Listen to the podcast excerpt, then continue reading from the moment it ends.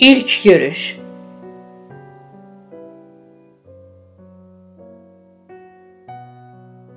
Uzaqdan kəndin qaraltısı görünəndə hələ gün batmamış kəndə çatdığıma ürəkdən sevinirdim. Axı bir neçə saat qabaq bir çobandan Məfruzlu kəndini xəbər alanda o çənəsini yuxarı qalxızıb bax elə budu buradı demişdi. Kəndə xeyləh qalmış Aşıq Əbdüləlinin İrəvan çuxuru məni qarşıladı. Beləliklə toy evini tapmağa daha bələdçiyə ehtiyacım olmayıb səsə tərəf yollandı. Palçıq damların insan izdihamından sanki beli bükülürdü. Qonşu həyətlərin bütün ağacları sanki adam gətirmişdilər. Qonaqçı atın cilovunu əlimdən alıb məni içəri apardı. Məclisin bir yanında mənə də yer açdılar, oturdum.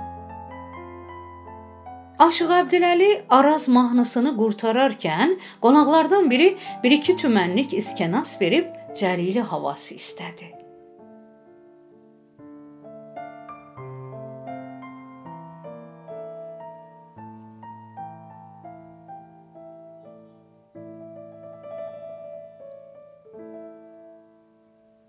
Mən Cəlili havasını dönə-dönə eşitmiş olsam da, ancaq Əbdüləlinin oxuduğu sözləri o günədək eşitməmişdim.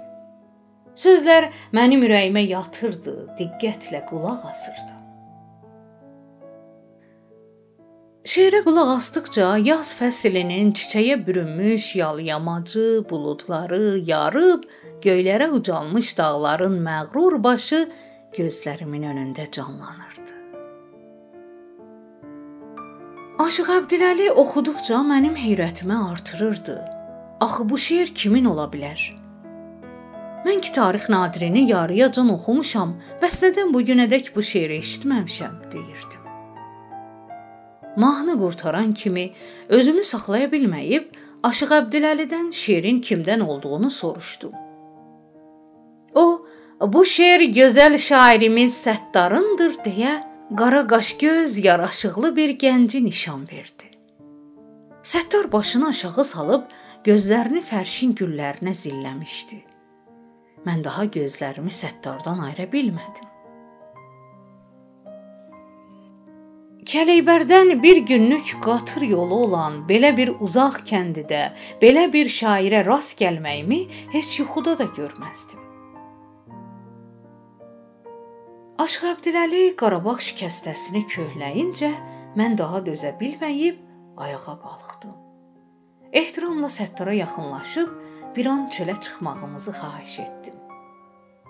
Qonaqçıya elə bu saat qayıdırıq deyə bayıra çıxdıq.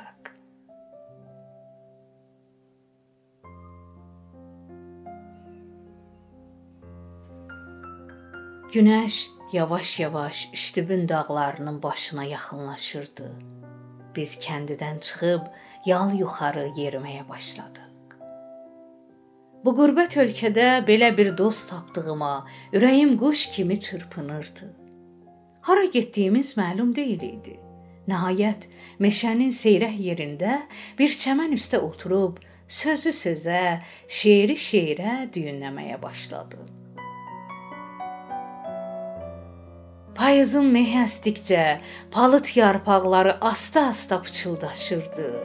Biz isə 11lik hicaların axarında fələkləri seyrə dalmışdıq. Səhən demişkən Gecənin qoynunda vüqarlı dağlar sanki əbədi bir yuxuya batmış.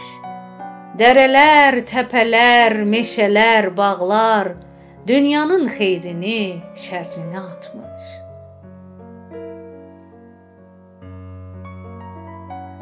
Biz heç özümüz də bilmədən dünyanın xeyrini, şərrini atıb, get-bə-get zamandan, məkandan uzaqlaşıb, harda olduğumuzu büsbütün unutmuşduq.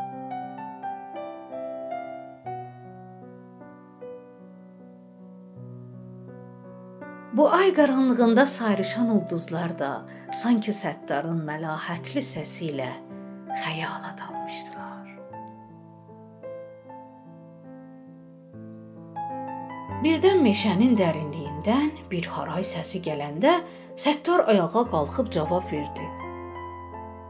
Çox keçmədən iki piyada bir fanusla gəlib çatdılar.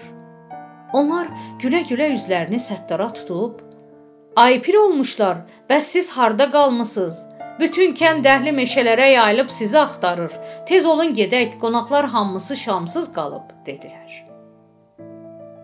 Mən fanus işığında saatıma baxanda gözlərimə inana bilmədim. Bu saalanları saatlar necə də paxıl olurmuş.